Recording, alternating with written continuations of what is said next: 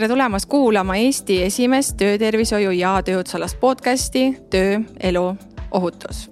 saates räägime tööohutusvaldkonna eestvedajatega ja ettevõtetega, et tuua nende poolt teieni parimaid töökeskkonnaalaseid mõtteid ja praktikaid. saate sponsor on Protect Estonia, saatejuhiks Kristi Õeorg. kui saade sind kõnetab, jaga seda ka teistega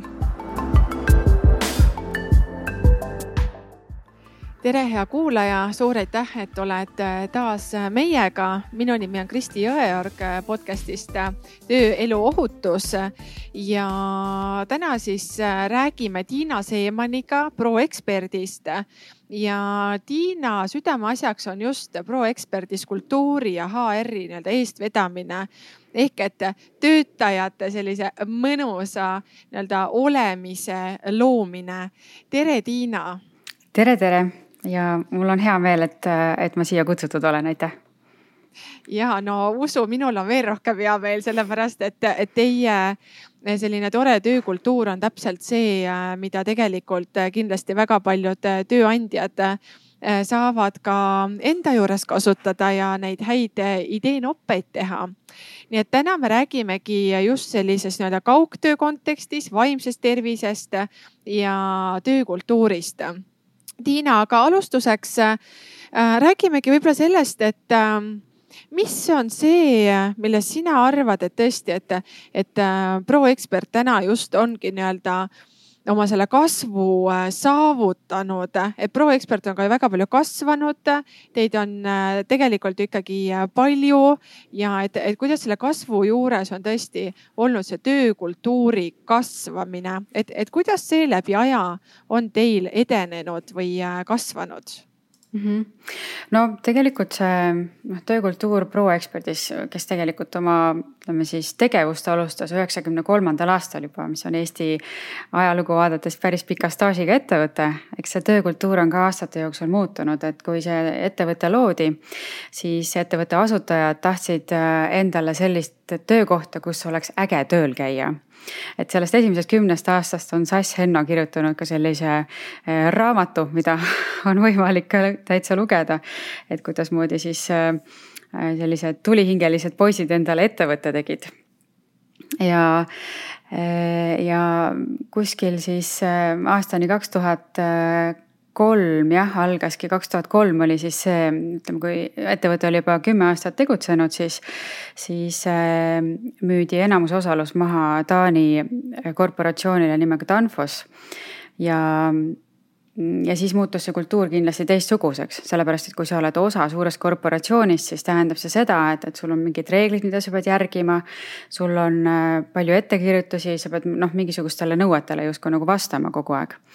ja, ja isetegevust noh, on loomulikult ka võimalik teha, aga kindlasti väiksemal määral, kui siis sa oled äh, iseenda ettevõtte omanik ja see Danfossi aeg kestis äh, ProExpertis kuni aastani kaks tuhat viisteist ja juba enne siis selle Danfossi aja lõppu muutus äh, ProExpert juhtide vabaks et ikkagi kogu selles suures korporatsioonis oli võimalik ka siis äh, mm, sinna kuuludes äh, teha oma kultuur teistsuguseks.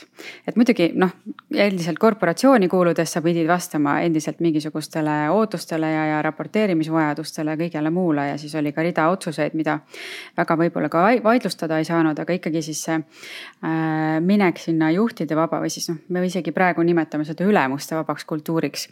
et siis sinnapoole hakkas minema aastast kaks tuhat kolm kolmteist. Ja ähm, selline noh, jah, ma siis saangi öelda, kolmas ajajärk äh, siis proos äh, on juba varsti juba kümme aastat olnud. ja, ja seesama ülemuste vabadus, et ka see on ise arenenud kogu aeg edasi et kui ähm, alguses ei saadud ka ise võib-olla päris täpselt aru, et mis see on ja, ja mulle tundub niimoodi kõrvaltvaatajana, kuna ma ise sellel ajal organisatsioonis ei olnud. et siis võib-olla heideti ka palju sellist vajalikku kõrvale, et justkui tundus, et, et nagu kõigest on vaba, vaja vabaneda, kõikidest protsessidest, kõikidest ähm, ma ei tea, inimestest, kes vähegi tahtsid ka võib-olla midagi juhtimislikku teha no ma liialdan praegu, eks ju. et, ähm, et justkui nagu sellele enam ei olnud kohta siis äh, praegu me jällegi äh, leiame, et, et on vaja palju sellist korrastustööd teha ka just kas protsessides või, või midagi teha nagu selgemaks või, või läbipaistvamaks või arusaadavamaks, et, et eks see ettevõte läbibki oma elus selliseid mitmeid ajajärke ja, ja spiraale ja mm, et praegu siis on selline ülemuste vabas ajastus ähm, reeglite loomise äh, periood, ma vaatan mm. -hmm, väga huvitav. kas sa, Tiina, räägiksid äh, natukene lähemalt sellest, äh, mis on tõesti see mm, juhi vaba nii-öelda siis äh, nii-öelda ettevõtte juhtimine, et ma olen äh, ka varem kuulnud mitmetes ettevõtetes käies, et oi, näed, et meie siin plaanime ka nii-öelda äh, juhi vaba nii-öelda tegutsemist, aga praegu ei ole saanud seda rakendada, sest isegi juhiga asjad ei toimi, eks mm. -hmm. et, äh, et, et räägi natukene sellest juhi vabast ettevõtte toimimisest, et, et mis see selles mõttes nagu tähendab ja, ja mida selleks on vaja teha, et ettevõte tegelikult üldse saaks kaaluda või mõelda selle juhivaba äh, nii-öelda juhtimise mõtteviisi peale mm. -hmm. tegelikult see juhtimisvabadus on võib-olla ainult ka nagu üks asi kogu sellises suuremas pildis, mida, mille poole püü-, püüelda võiks mida me ise ka oma majas oleme uurinud ja tudeerinud, on äh, selline filosoofia nagu teal organizations ehk siis äh, eesti keeles ma ei teagi, kuidas seda tõlkida, meresinine või mereroheline organisatsioon. Ähm, Frederic Laloux on siis selle kontseptsiooni autor, kes on siis kirjeldanud organisatsioonide erinevad, erinevaid arengustaadiumeid, alates siis inimkonna sellistest varajastest äh, aegadest kuni siis praeguseni välja. Ja noh, tegelikult kõik need arengustaadiumid erinevate organisatsioonide puhul võivad ka olla praegu esindatud, et, et sõjavägi ju kindlasti toimib ühtemoodi kui siis, kui siis noh, näiteks võib-olla juhtide vaba organisatsioon aga juhtide vabadus ongi ainult nagu üks aspekt kogu selles suures plaanis, et, et tegelikult selleks, et see kõik töötaks, ei tähenda, et tuleb lihtsalt juhid ära kaotada. Äh, kindlasti peab olema inimeste poolt valmidus ka ise muutusi ellu viia või ise aru saada, mida oleks vaja teha või ise vastutust võtta. ja, ja ma arvan, et, et see kõik äh, algab ikkagi sellest, et, et ettevõttel mm, on ka selline kutsumus või nägemus sellest, kuhu poole ta minna tahab et mis on oluline, et mis on see ettevõtte toimimise mm, mõte üldse ja, ja kui see on olemas ja sellele on siis ka sellised äh, head liidrid leidnud, kes ise tahavad äh, ka organisatsiooni näiteks eest vedada selliselt, et nad ei tunne, et nad vajaksid kõikide detailide kontrollimist ja ei, ei pea oluliseks mikromanageerimist vaid rohkem sellist inimeste võimustamist ja, ja, ja inimestele sellist arengu ja väljakutsete võimaldamist siis, siis on nagu seeme, kust minna edasi. ja muidugi ettevõtte omanikud ka peavad sellega pardal olema, et, et kui eh, juhid ja omanikud ei ole päris seda meelt, siis ongi seda keeruline võib-olla ka teostada seda muutust, ma arvan, et see siis ongi juba, eos läbi kukkunud ka Tiina, aga sa tõid eh, sisse tõesti väga hea nii-öelda komponendi, kui juhid ise pole valmis ja sa rääkisid ka vastutuse võtmisest, eks.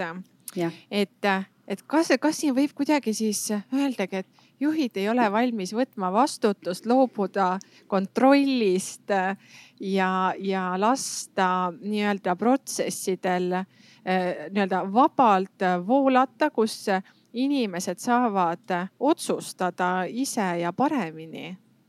ja see on kindlasti üks oluline muutuse aspekt, mis äh, puudutab siis ütleme sellist klassikalist äh, hierarhilist organisatsiooni ja sellist organisatsiooni, kus ollakse pigem selline mm, noh, flat või siis, või siis ülemuste vaba et need inimesed, kes ka teemasid eest veavad, nad peavad olema valmis kontrollist loobuma ja usaldama neid inimesi, kes äh, on nende tiimis.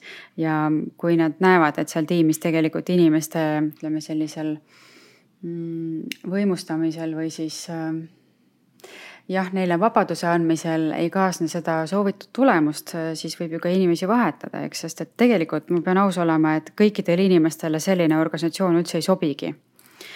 Äh, väga paljudele sobibki see, et töötatakse pigem sellises kes-, käskude ja keelude maailmas ja ja pigem oodatakse ülemuselt tõesti seda, et, et sa ütlegi mulle ette, mis ma nüüd järgmisena peaksin tegema ja, ja kui palju Äh, ja see on ju ka täiesti okei okay., inimesed on erinevad, inimesed vajadused on erinevad nii tööalase teostuse mõttes kui siis elus üldse. ja oleks võib-olla ka selline naiivne uskuda või, või loota, et kõikidele inimestele meeldibki selline iseseisvus ja, ja vabadus ja vastutus sinna juurde, sest see võib tegelikult olla ju päris hirmus sest ühel hetkel sulle öeldakse, et aga mõtle siis nüüd ise, mis sa teed selleks, et see probleem ära lahendada. Ja see vastutus sealjuures ju on ju ka seotud läbikukkumisega, et mis siis saab, kui ma ei õnnestugi. Et see ootuste pool, et, et ma võib-olla vean kedagi alt, siis on pettumus ja klassikalises struktuuris siis teinekord lastakse lahti kohe peale seda. Ja,. jah, jah, et see, see kultuur või mis see jah, ma arvan, et see kultuur ja see suhtumine, mis sellist ülemuste vaba toimimist äh, toetama peab, ongi selline usaldus ja koostöö. Ja teinekord ka siis selliste läbikukkumiste Äh, tunnistamine, omaksvõtmine, sellest õppimine ja mitte nagu, äh, nagu minu ajal ka kuskil klassikalistes sellistes hierarhilistes organisatsioonides on öeldud, et, et näidispoomiste tegemine. -hmm. olen kohanud, et kui, kuna temal nüüd läks nii kehvasti, siis teeme siin ühe näidispoomise, laseme ta lahti. et, et noh, see selline kultuur näiteks absoluutselt ei sobi mm, ütleme sellisesse siis tiil või, või ülemuste vabasse või, või siis nagu isejuhtivasse, sest et kui sa ei luba inimestel läbi kukkuda, siis nad ei julge ka võtta riske ja nad ei julgegi tegelikult iseseisvalt asju teha. sest siis noh, risk on ju see, et ma võin ka läbi kukkuda. ja kui läbikukkumisele järgneb äh, vallandamine, noh siis ma väga ei taha ju midagi ette võtta mm. -hmm. aga kuidas teie olete just seda, et tegelikult millest me siin räägime, on hirm. et, et, et kuidas teie olete võtnud inimestelt seda hirmu maha ja loonud seda sisemist turvatunnet, et, et, et on okei okay kukkuda, on okei okay eksida ja, ja kuidas te olete seda infot viinud, et mis siis edasi saab, et et, et kui toimub see eksimine, et, et kuidas see protsess nii-öelda see usalduse, see sisemise turvatunde ja usalduse kasvatamise protsess teil käinud on mm? -hmm. kuna meil tegelikult ju enamus äh, inimesi töötab iseseisvates tiimides, siis ma pean ütlema, et äh, kõik need ähm, ebaõnnestumised, mis kuskil tiimides toimuvad, ega me ei teagi nendest nagu üle maja või, või äh, me kahjuks ei ole ka hakanud koguma sellist läbikukkumiste entsüklopeediat, nagu ma tean, ähm, minu meelest vist Velvetis tehakse, eks ju. või, või, või kuskil muudes ettevõtetes veel. et äh, noh, nad ei lähegi nagu avaliku kella külge, et nad tavaliselt jäävad kas siis ütleme siis tiimidesse niimoodi endi ära lahendada, sest et äh, kui meil äh, tiimid äh, teevad oma igapäevast tööd, siis arendustiimid siis, eks ju, sest me oleme tarkvara ja, ja tootearendusettevõte. ja kui tiimid sellist igapäevast tööd teevad, siis nad teevad seda koos kliendiga ja suhteliselt sellises igapäevases kommunikatsioonis, koostöös, planeerimistes, tegemistes ja nii edasi. et ähm, noh see jääb siis sellesse ringkonda tavaliselt. aga kui meil on, ütleme siis üle ettevõtte sellised suuremad asjad näiteks tegemisel ja meil mingites asjades ei lähe hästi, siis äh, meil on küll liidrid öelnud, et jah, me sellega fail isimegi või et mina sellega olen fail inud näiteks et seda niimoodi saabki, ma arvan, ainult külvata, kui siis, kui siis ise rääkida oma läbikukkumistest.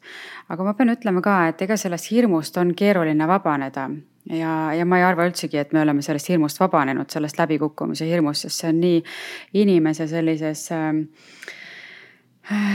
no, lapsepõlvest sellises... peale sees, sest et tuleb ju täita vanemate ideaale ja ootusi kogu aeg ja see on üks ja, ja siis ta on ju seotud ju kogu meie selliste instinktiivsete vajadustega ellu jääda mm. -hmm. ja kui ma kukun läbi, siis äh, aju tõlgendab seda ju, Rooma aju siis ka selliselt, et ma noh, võin ka surma saada või siis noh, tegelikult töölt lahti laskmine, sealt ta ju mõtleb mitu sammu edasi, et siis ma jään nälga ja siis kodutuks mm -hmm. ja kõike seda ja siis.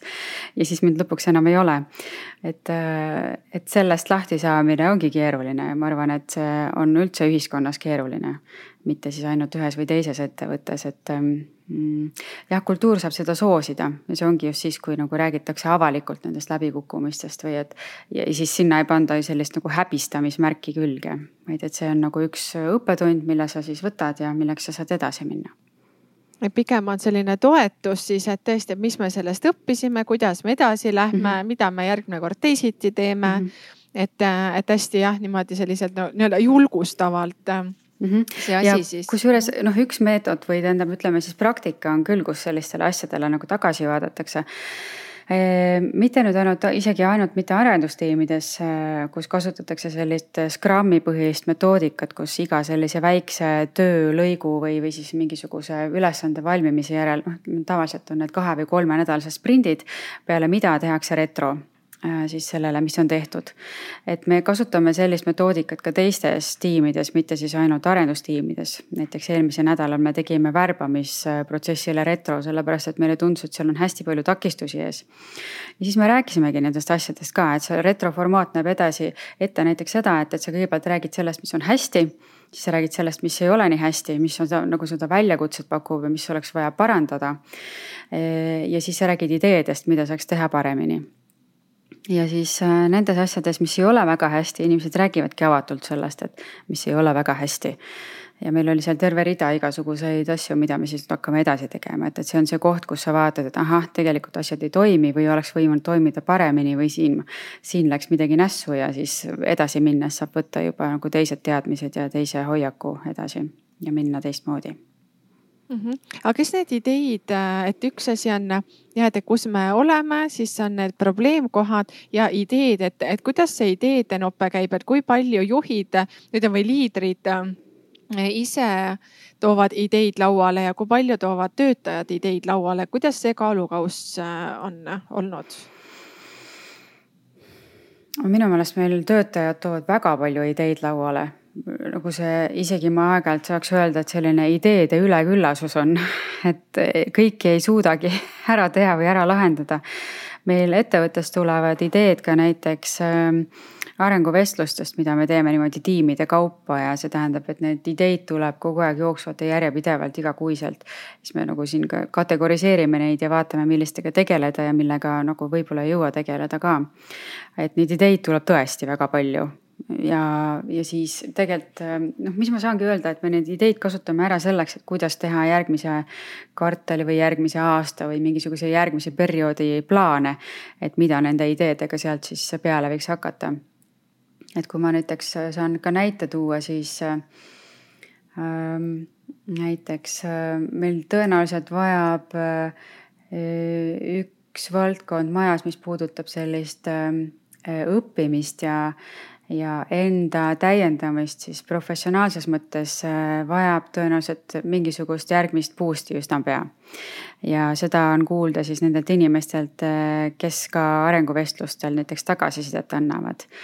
Ja siis, kui me nüüd seda boost'i seal tegema hakkame, siis ähm, võtame siis arvesse nii seda, mis on tulnud arenguvestlustel, kui seda, mis on näiteks ka meie ettevõttest lahkujad äh, meile öelnud, äh, kui siis ka seda, mida sa näiteks ise kuuled igapäevaselt ja näed siis ka seda suuremat pilti vaadates, et millised valdkonnad parandamist vajaksid või, või edasiviimist mm. -hmm et, et oluline, mis ma tahtsin ja, nagu siin öelda, et ja. oluline on see, et, et jah, tagasiside tuleb, aga midagi tuleb sellega ka teha, et siis mm -hmm. tagasiside jääks tulema ja absoluutselt, et, et anda inimesele siis omakorda võib-olla tagasiside, et idee oli hea.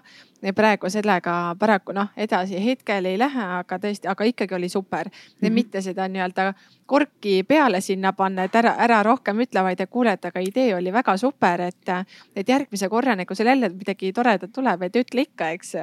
või siis näiteks, et vot selle ideega me praegu midagi teha ei saa, sellepärast et et me paneme ta seisma, ma arvan, et eitav vastus on ka parem kui, kui, kui mitte midagi absoluutselt ja et, et vähemalt inimene sai vastuse, et ta on väärtust loonud, selle peale mõeldi, eks keegi võttis selle energia mm,. uurin korraga selle nii-öelda võimustamise kohta, mida sa varem ütlesid. et mismoodi äh, teie võimustate, võimestate inimesi? oh, see on päris keeruline küsimus noh, võtteid on ju mitmesuguseid, aga ma mõtlen, et, et kuidas ta ProExpertis äh, toimib. Ehm,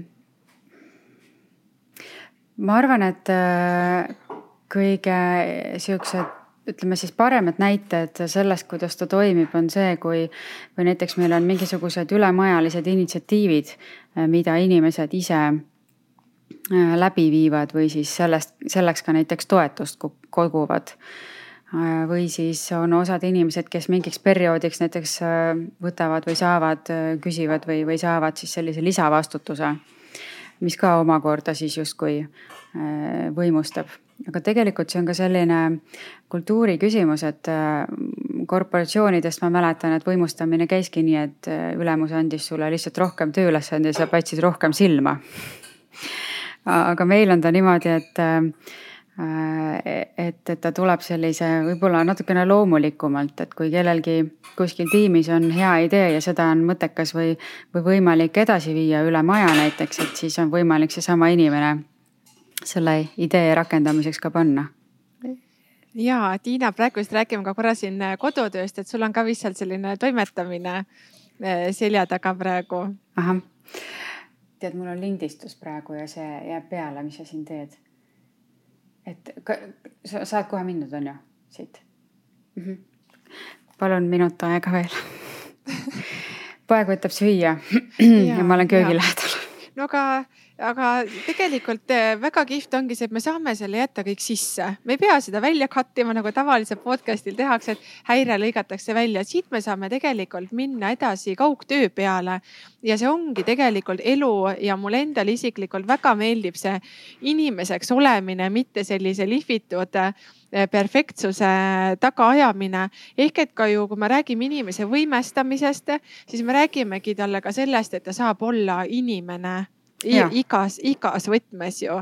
et, et kõik ei olegi alati selline lihvitud teemant, vaid et väga palju tuleb väga noh, äh, sellisel suurel määral sellisest inimlikkusest, et kui me laseme inimesel olla tema ise, anda talle juurde nii-öelda seda tugevust, mida ta soovib näiteks edendada, arendada endas, siis äh, sellest ju võidab ka organisatsioon. kuidas sulle, Tiina, tundub?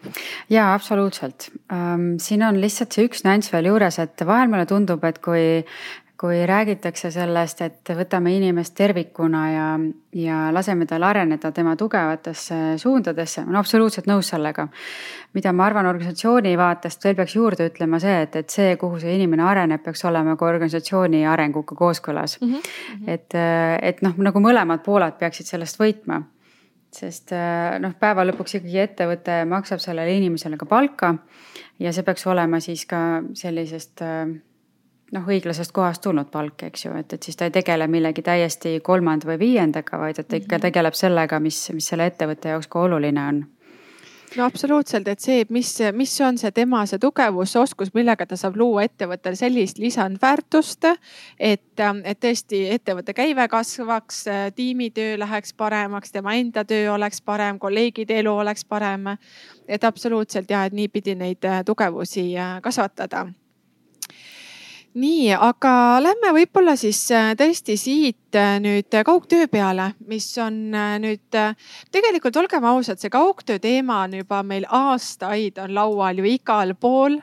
aga ta on olnud selline nii-öelda selline hirmus koll, kus tõesti peab ära andma ju kontrolli, et inimene on ju kodus võib-olla äh, mõnuleb tead varbad taeva poole kuskil diivani peal ja ega ta ju seal tööd ei tee, ma ju ei saa kontrollida.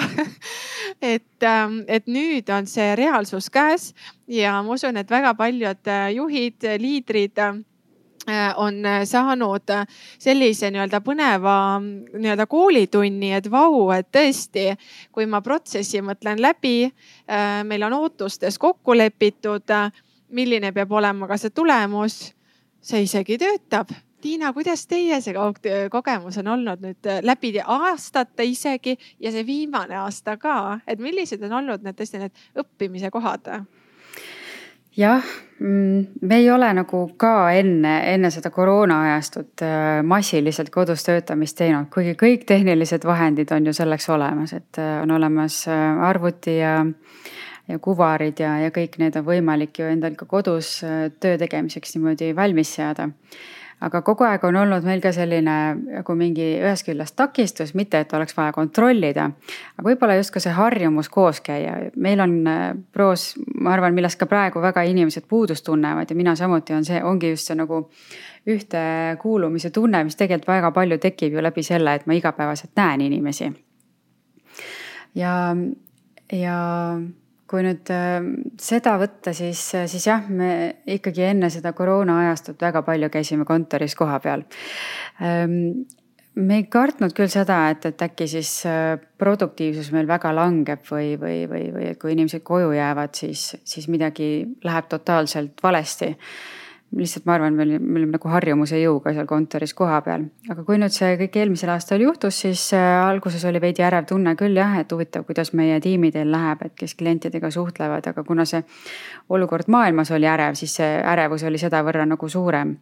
tegelikult äh, ei ole muretsemiseks põhjust, et äh, meil ka ettevõttes inimesed täitsa väga kenasti saavad oma asjad kodus tehtud, noh muidugi on alati selliseid keerulisemaid olukordi, kui kellelgi on, on lapsed väiksed kodus ja, ja siis on keeruline osaleda koosolekutel või, või, või, või kliendiga kohtumistel, kus laps parasjagu tormab tuppa ja nõuab midagi väga valjuhäälset.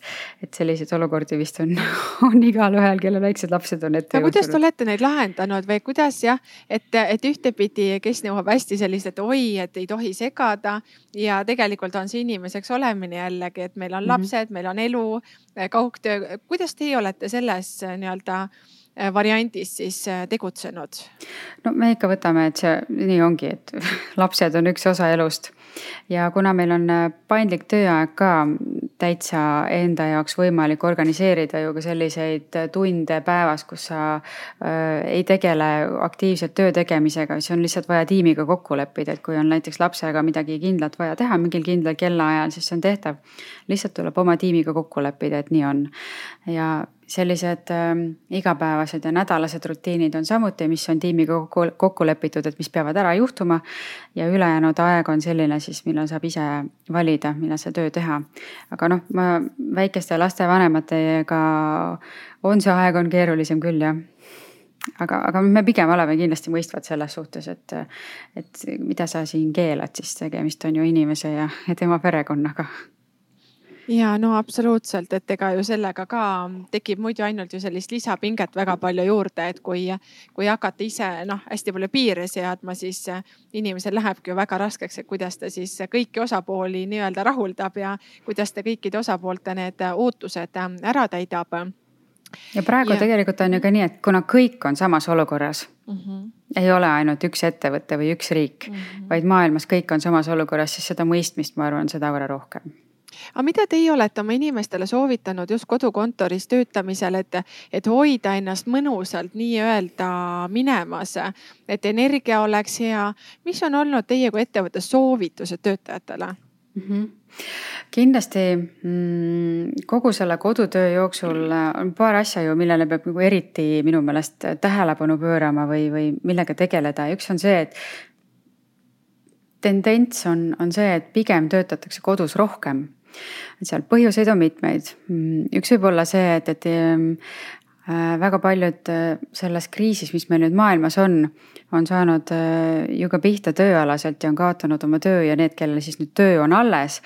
Nendel võib olla selline survivor's guilt ehk siis selline ellujääja süütunne mis tähendab seda, et, et selle kompenseerimiseks tehakse veelgi rohkem tööd, et sellest on kirjutatud täiesti artikleid ja seda, seda sündroomi uuritud. Ähm, aga isegi kui seda survivor skill'i ei ole, siis väga lihtne on kodus jääda töölõksu ja mitte lihtsalt lõpetada õigel ajal ära ja mitte puhata et see on hästi suur risk, mis, mis on selle kodutööga kaasa tulnud, sest sul ei ole keskkonnavahetust, sa oled kogu aeg oma selle koduses miljöös. ja noh, põhimõtteliselt töö ei lõpe ju kunagi otsa mitte mhm. kunagi, alati on midagi veel teha, mis tähendab seda, et sa muudkui teed ja teed ja teed ja ei puhka ühel hetkel, et selline ületöötamine on hästi suur risk. ja me sellest räägime palju küll ka ise, aga me kutsume ka selliseid äh, Äh, väliseid lektoreid või esinejaid või oma ala professionaale, kes äh, ühe või teise või siis kolmanda nurga alt räägivad sellest, mida siis teha, et iseendast hoolitseda.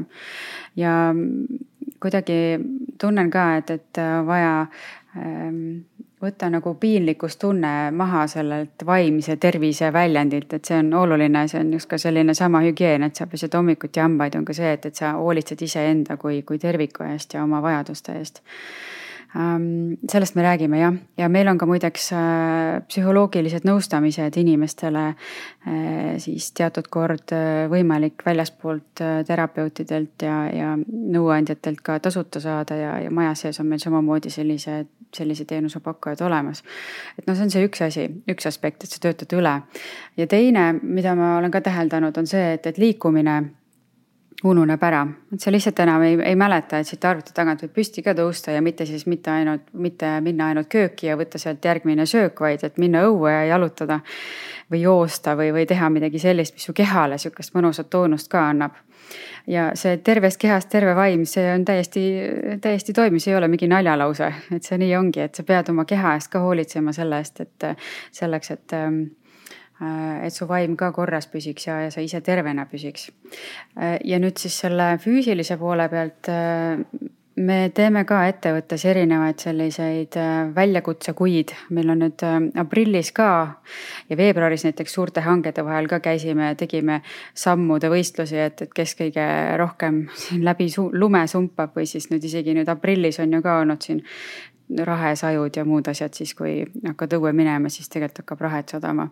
aga, aga ühesõnaga siis terve ettevõttega siis võtame siis mõõtu, et kes sammub ja kes äh, sõidab jalgrattaga või, või, või kes teeb veel midagi muud, jookseb aga noh, loomulikult ju kõik ka ei võta ju sellest osa, eks, et me ei ootagi sajaprotsendilist osalust, aga ma arvan, et, et kui äh, ettevõttena me ka üldse ei räägiks sellest, siis võib-olla tehtaks veel vähem ja võib-olla siis need, kes äh, ei panegi tähele ja ei kuule ka seda kuskilt, et tegelikult peaks ennast liigutama, siis äh, äkki nad ühel hetkel hakkavad liigutama ikka, aga usun natuke sellesse ka.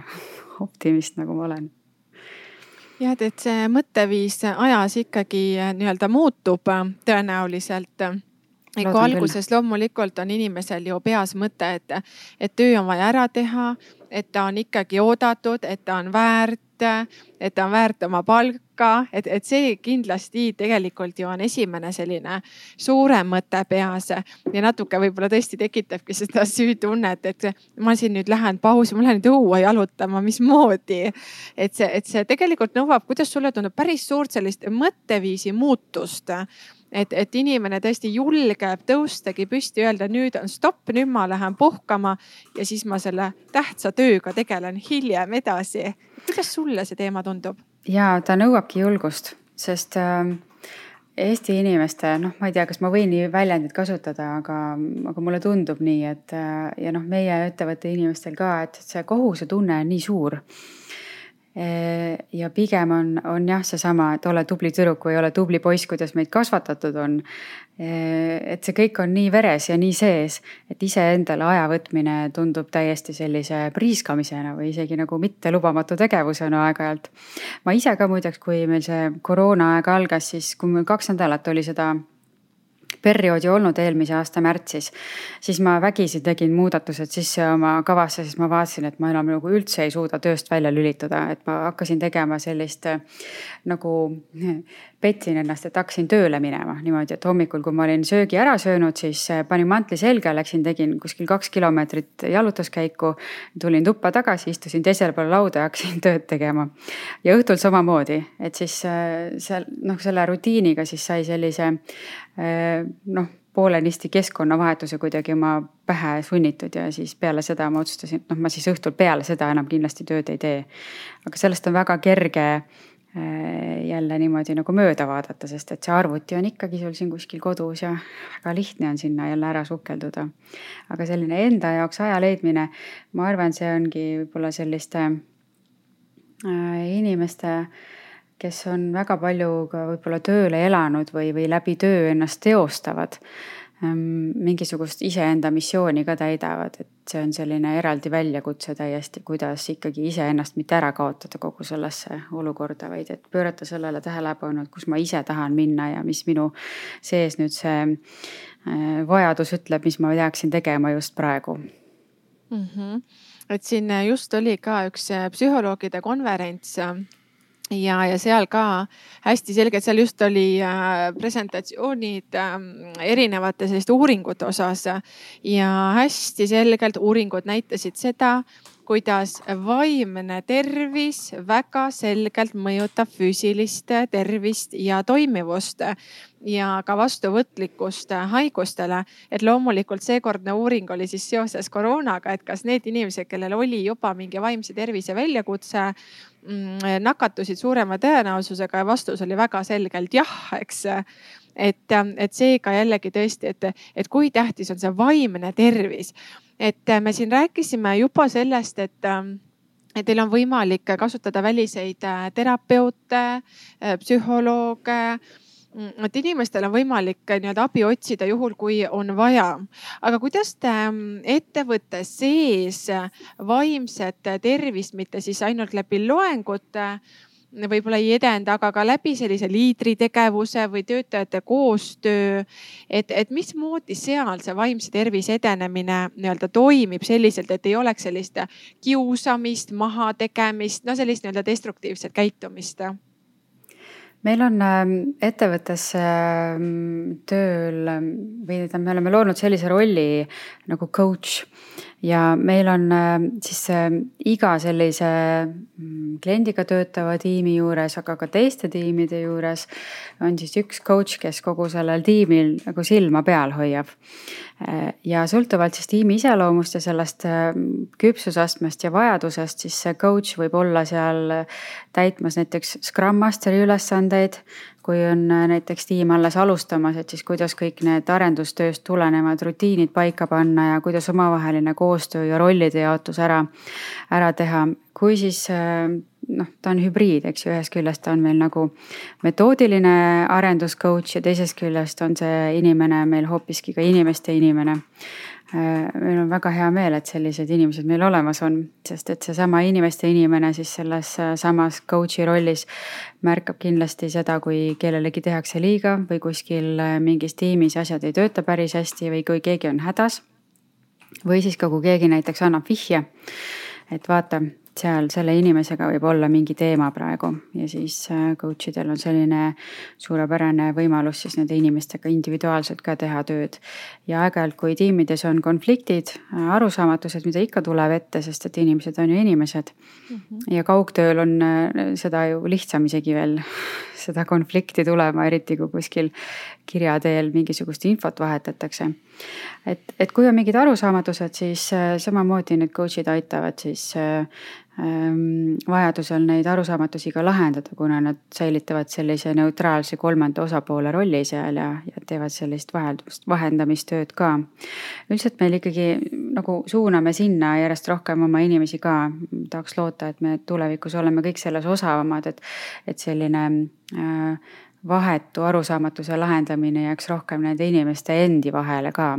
et, et siis alati ei olegi vaja võib-olla kedagi kolmandat appi, aga juhul, kui on vaja, siis nad on olemas aga kuidas, vot see on tegelikult päris huvitav teema, et see omavaheline konflikti lahend, lahendamine, see nõuab tegelikult sellist väga head mm, eneseregulatsiooni enesedistsipliini, enda emotsioonidest äh, nii-öelda teadlik olemist ja enda sisemistest tunnetest ja käivete, käivitajatest teadlik olemist.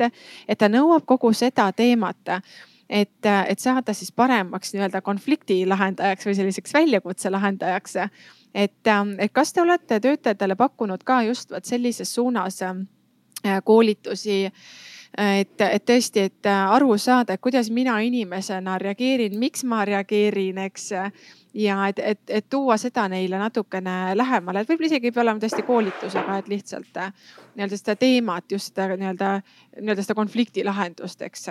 just, et seda paremini handle ida mm. -hmm. meil veel ei ole olnud midagi sellist, küll aga me oleme siin parasjagu just valmistamas ühte ühte koolitust ette, mis midagi sellist ka hõlmab.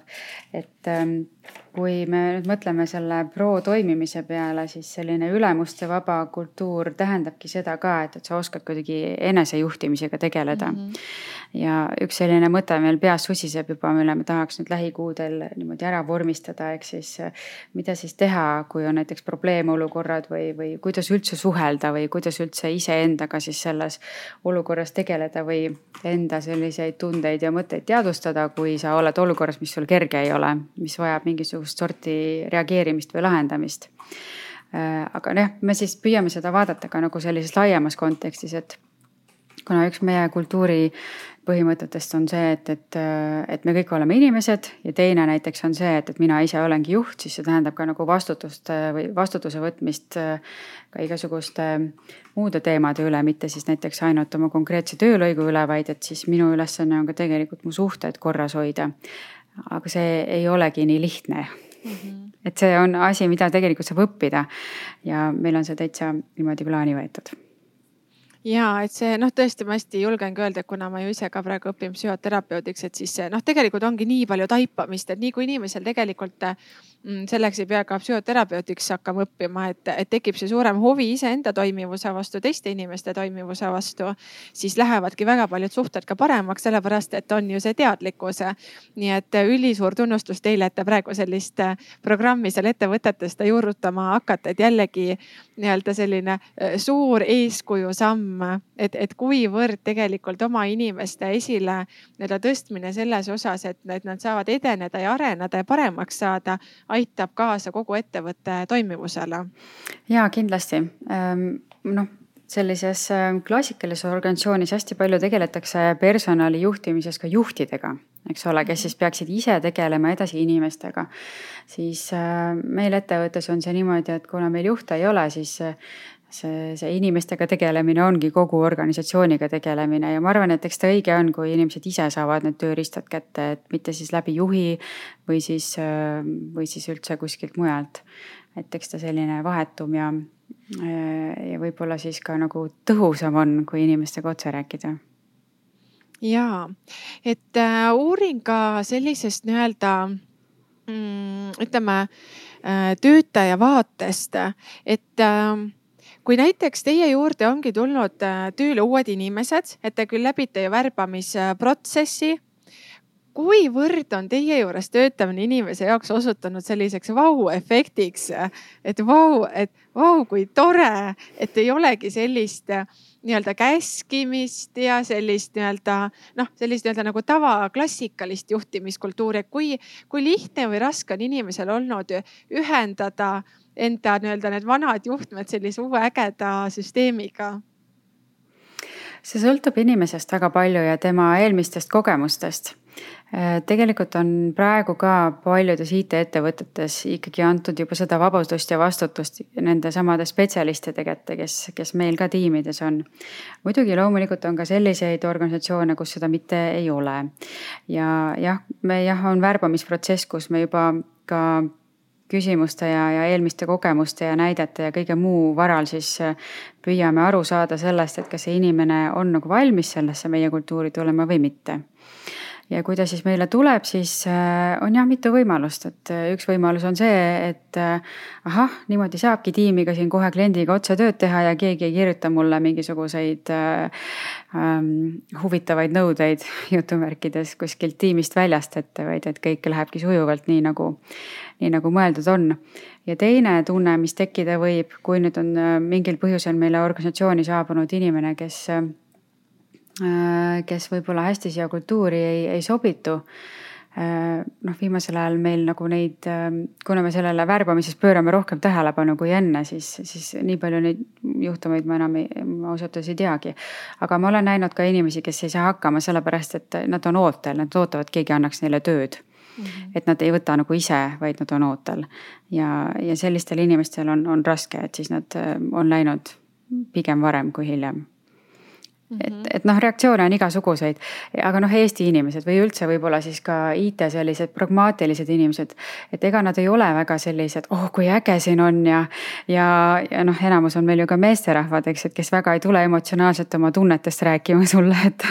et kui, kui, kui palju toredam see on, kui ma kuskil varem kogenud olen, nii et mul on nii palju vabadust, et pigem seda võetakse alguses vastu võib-olla jah, sellise innustusega, aga tegelikult harjutakse päris kiiresti ära mm. -hmm et see mõtteviisi nii-öelda see, see usu, usumuutus, et tõesti, et asjad võivad olla vaata enda järgi palju mugavamad, et see ikkagi noh, nii-öelda sellises noh, nii-öelda on võimalikus muutuses, et ähm, et jah, et nii-öelda sellest eelmisest nii-öelda võib-olla sellisest kogemusest välja tulla ja, ja tullagi kaasa sellise vabadusega, et miks ma seda just küsisin, et, et, et tõesti äh, inimesed, kes tulevad kultuuridest kes äh, ei ole saanud niivõrd palju vabadust, et nad tõesti ei suudagi kohaneda, kuigi neis on tõenäoliselt potentsiaal olemas, aga ei suuda kohaneda.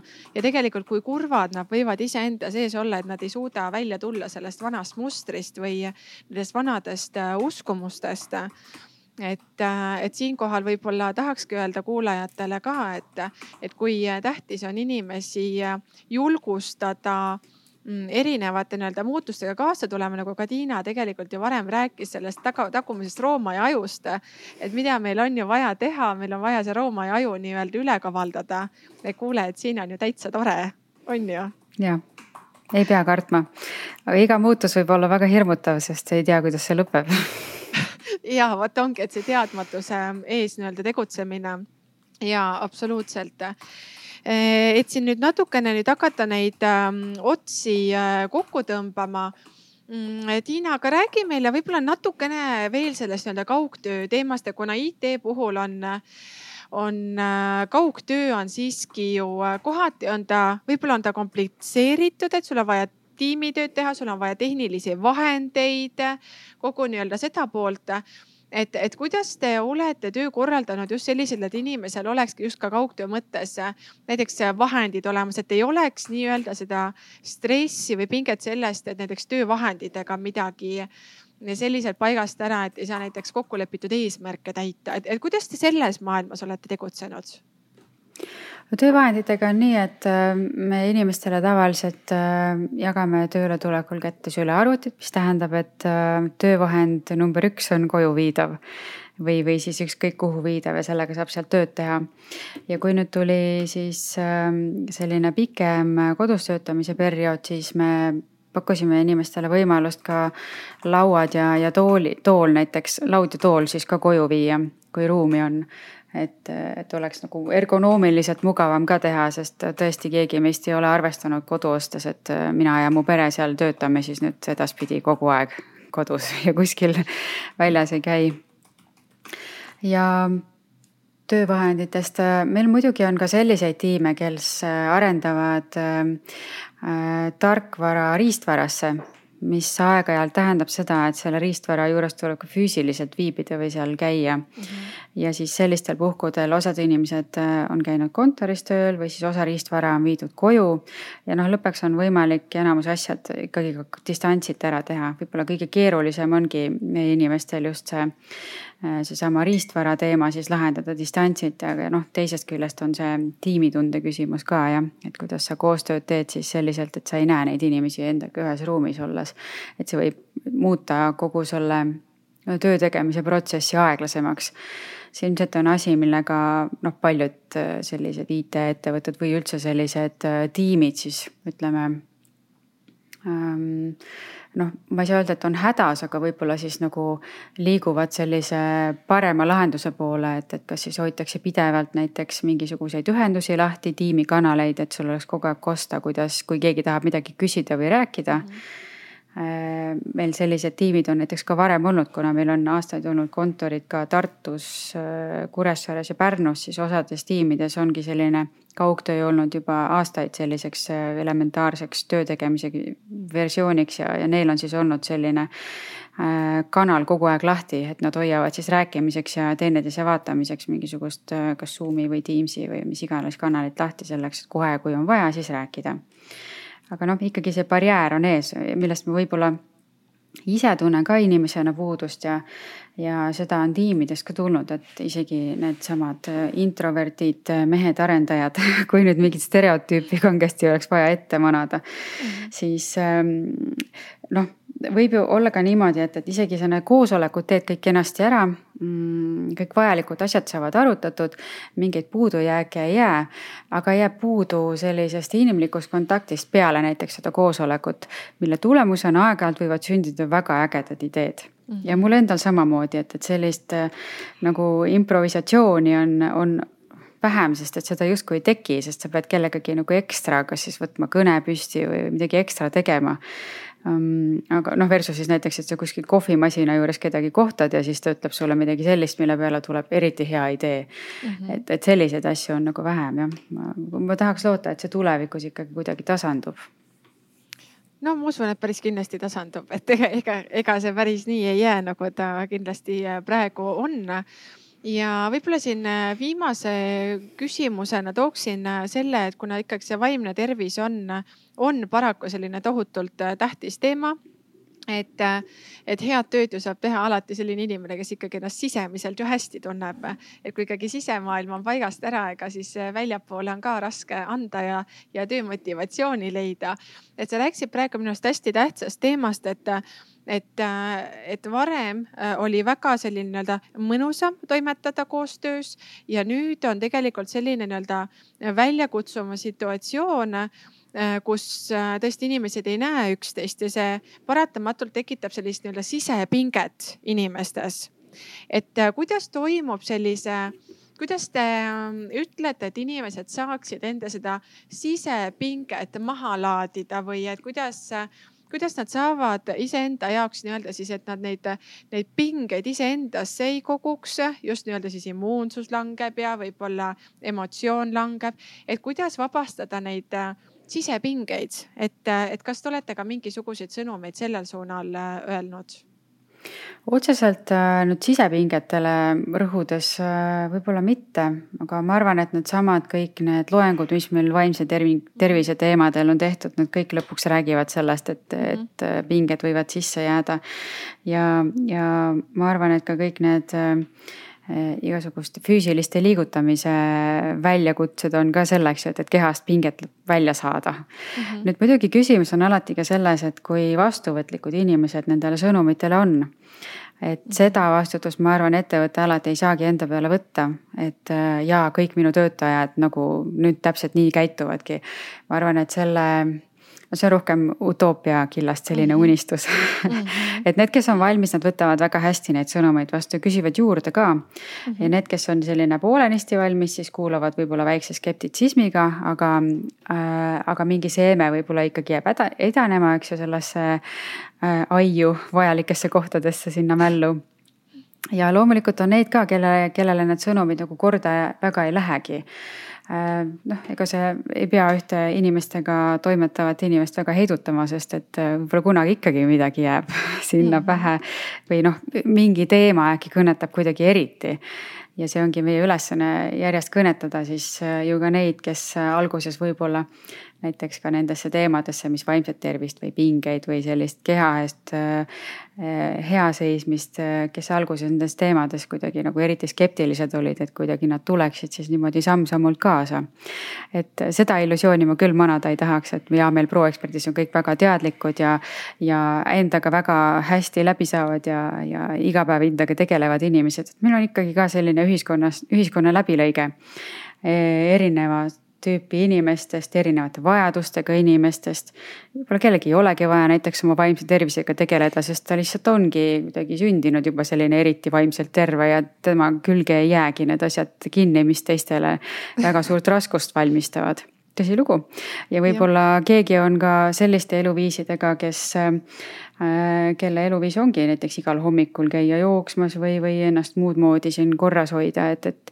et äh, noh, ma arvan, et kui kõik inimesed ka kaasa ei tule sellega, mis neile pakutakse, see on ka täiesti inimeste endi valida ja. absoluutselt. kõigile polegi kõike vaja ja, ja, ja, ja ma täiesti olengi äh, nõus sellega, et seepärast ma selle küsimuse ka esitasin, et tekikski tõesti see arusaam, see inimeseks olemise mm, rõõmust ja valust on ju, et, et me saamegi valikuid teha, kas me võtame infot vastu või me ei võta seda vastu.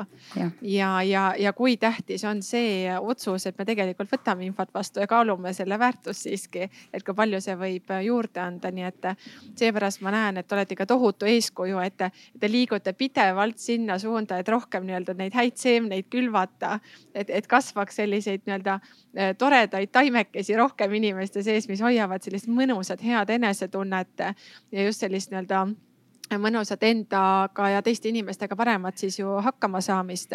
sest olgem ausad, ega konfliktid ka mm, tulevad ikkagi sellistes olukordades tihtipeale, kus enda need sisepinged või sisemaailma küsimused nats nagu alt veavad.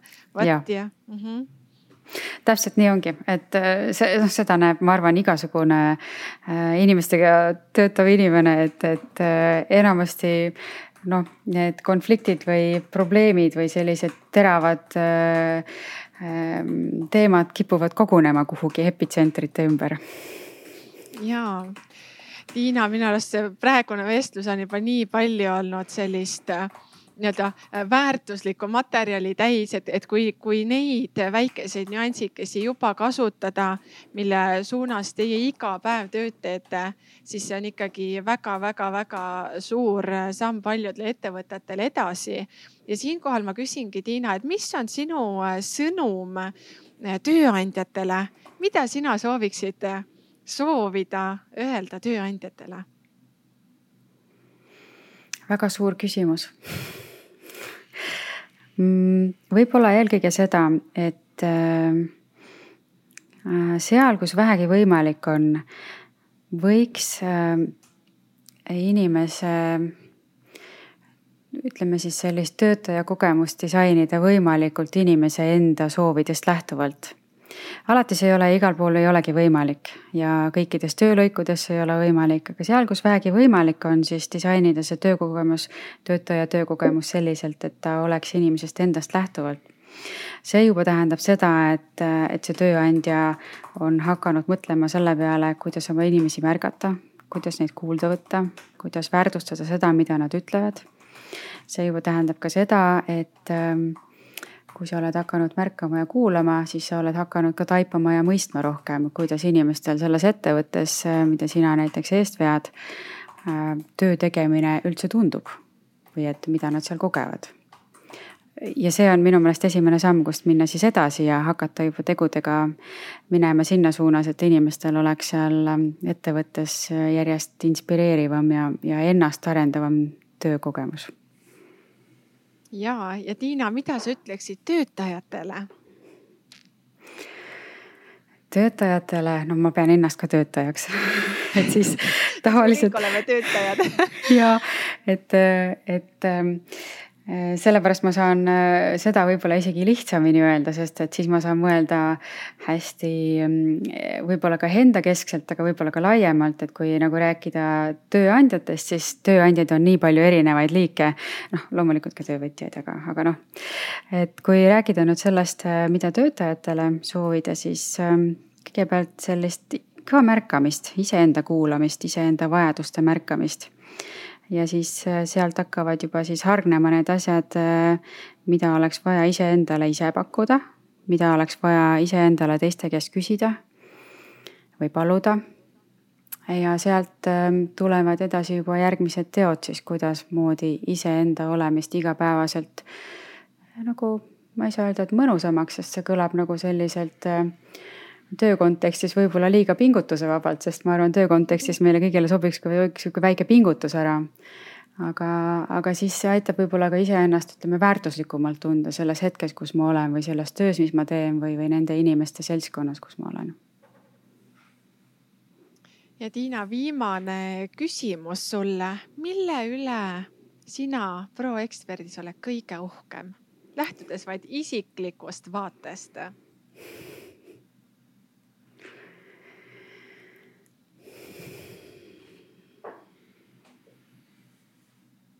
See on veel suurem küsimus mis tekitab sinus head tunnet, sellist võimsat tunnet?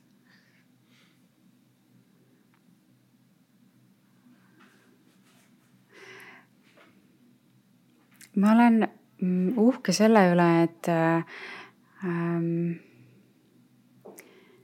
kuigi meil on päris suur organisatsioon, ligi kakssada töötajat, siis Eesti kohta ta on ikkagi, ta ei ole suur organisatsioon, aga, aga siiski päris suur. et meil on võimalik päris paljude inimestega tegeleda personaalselt. ja päris paljudel inimestel selles organisatsioonis on võimalus ennast realiseerida. ma ei saa öelda sada protsenti, sest see oleks ka utoopia valdkonnas.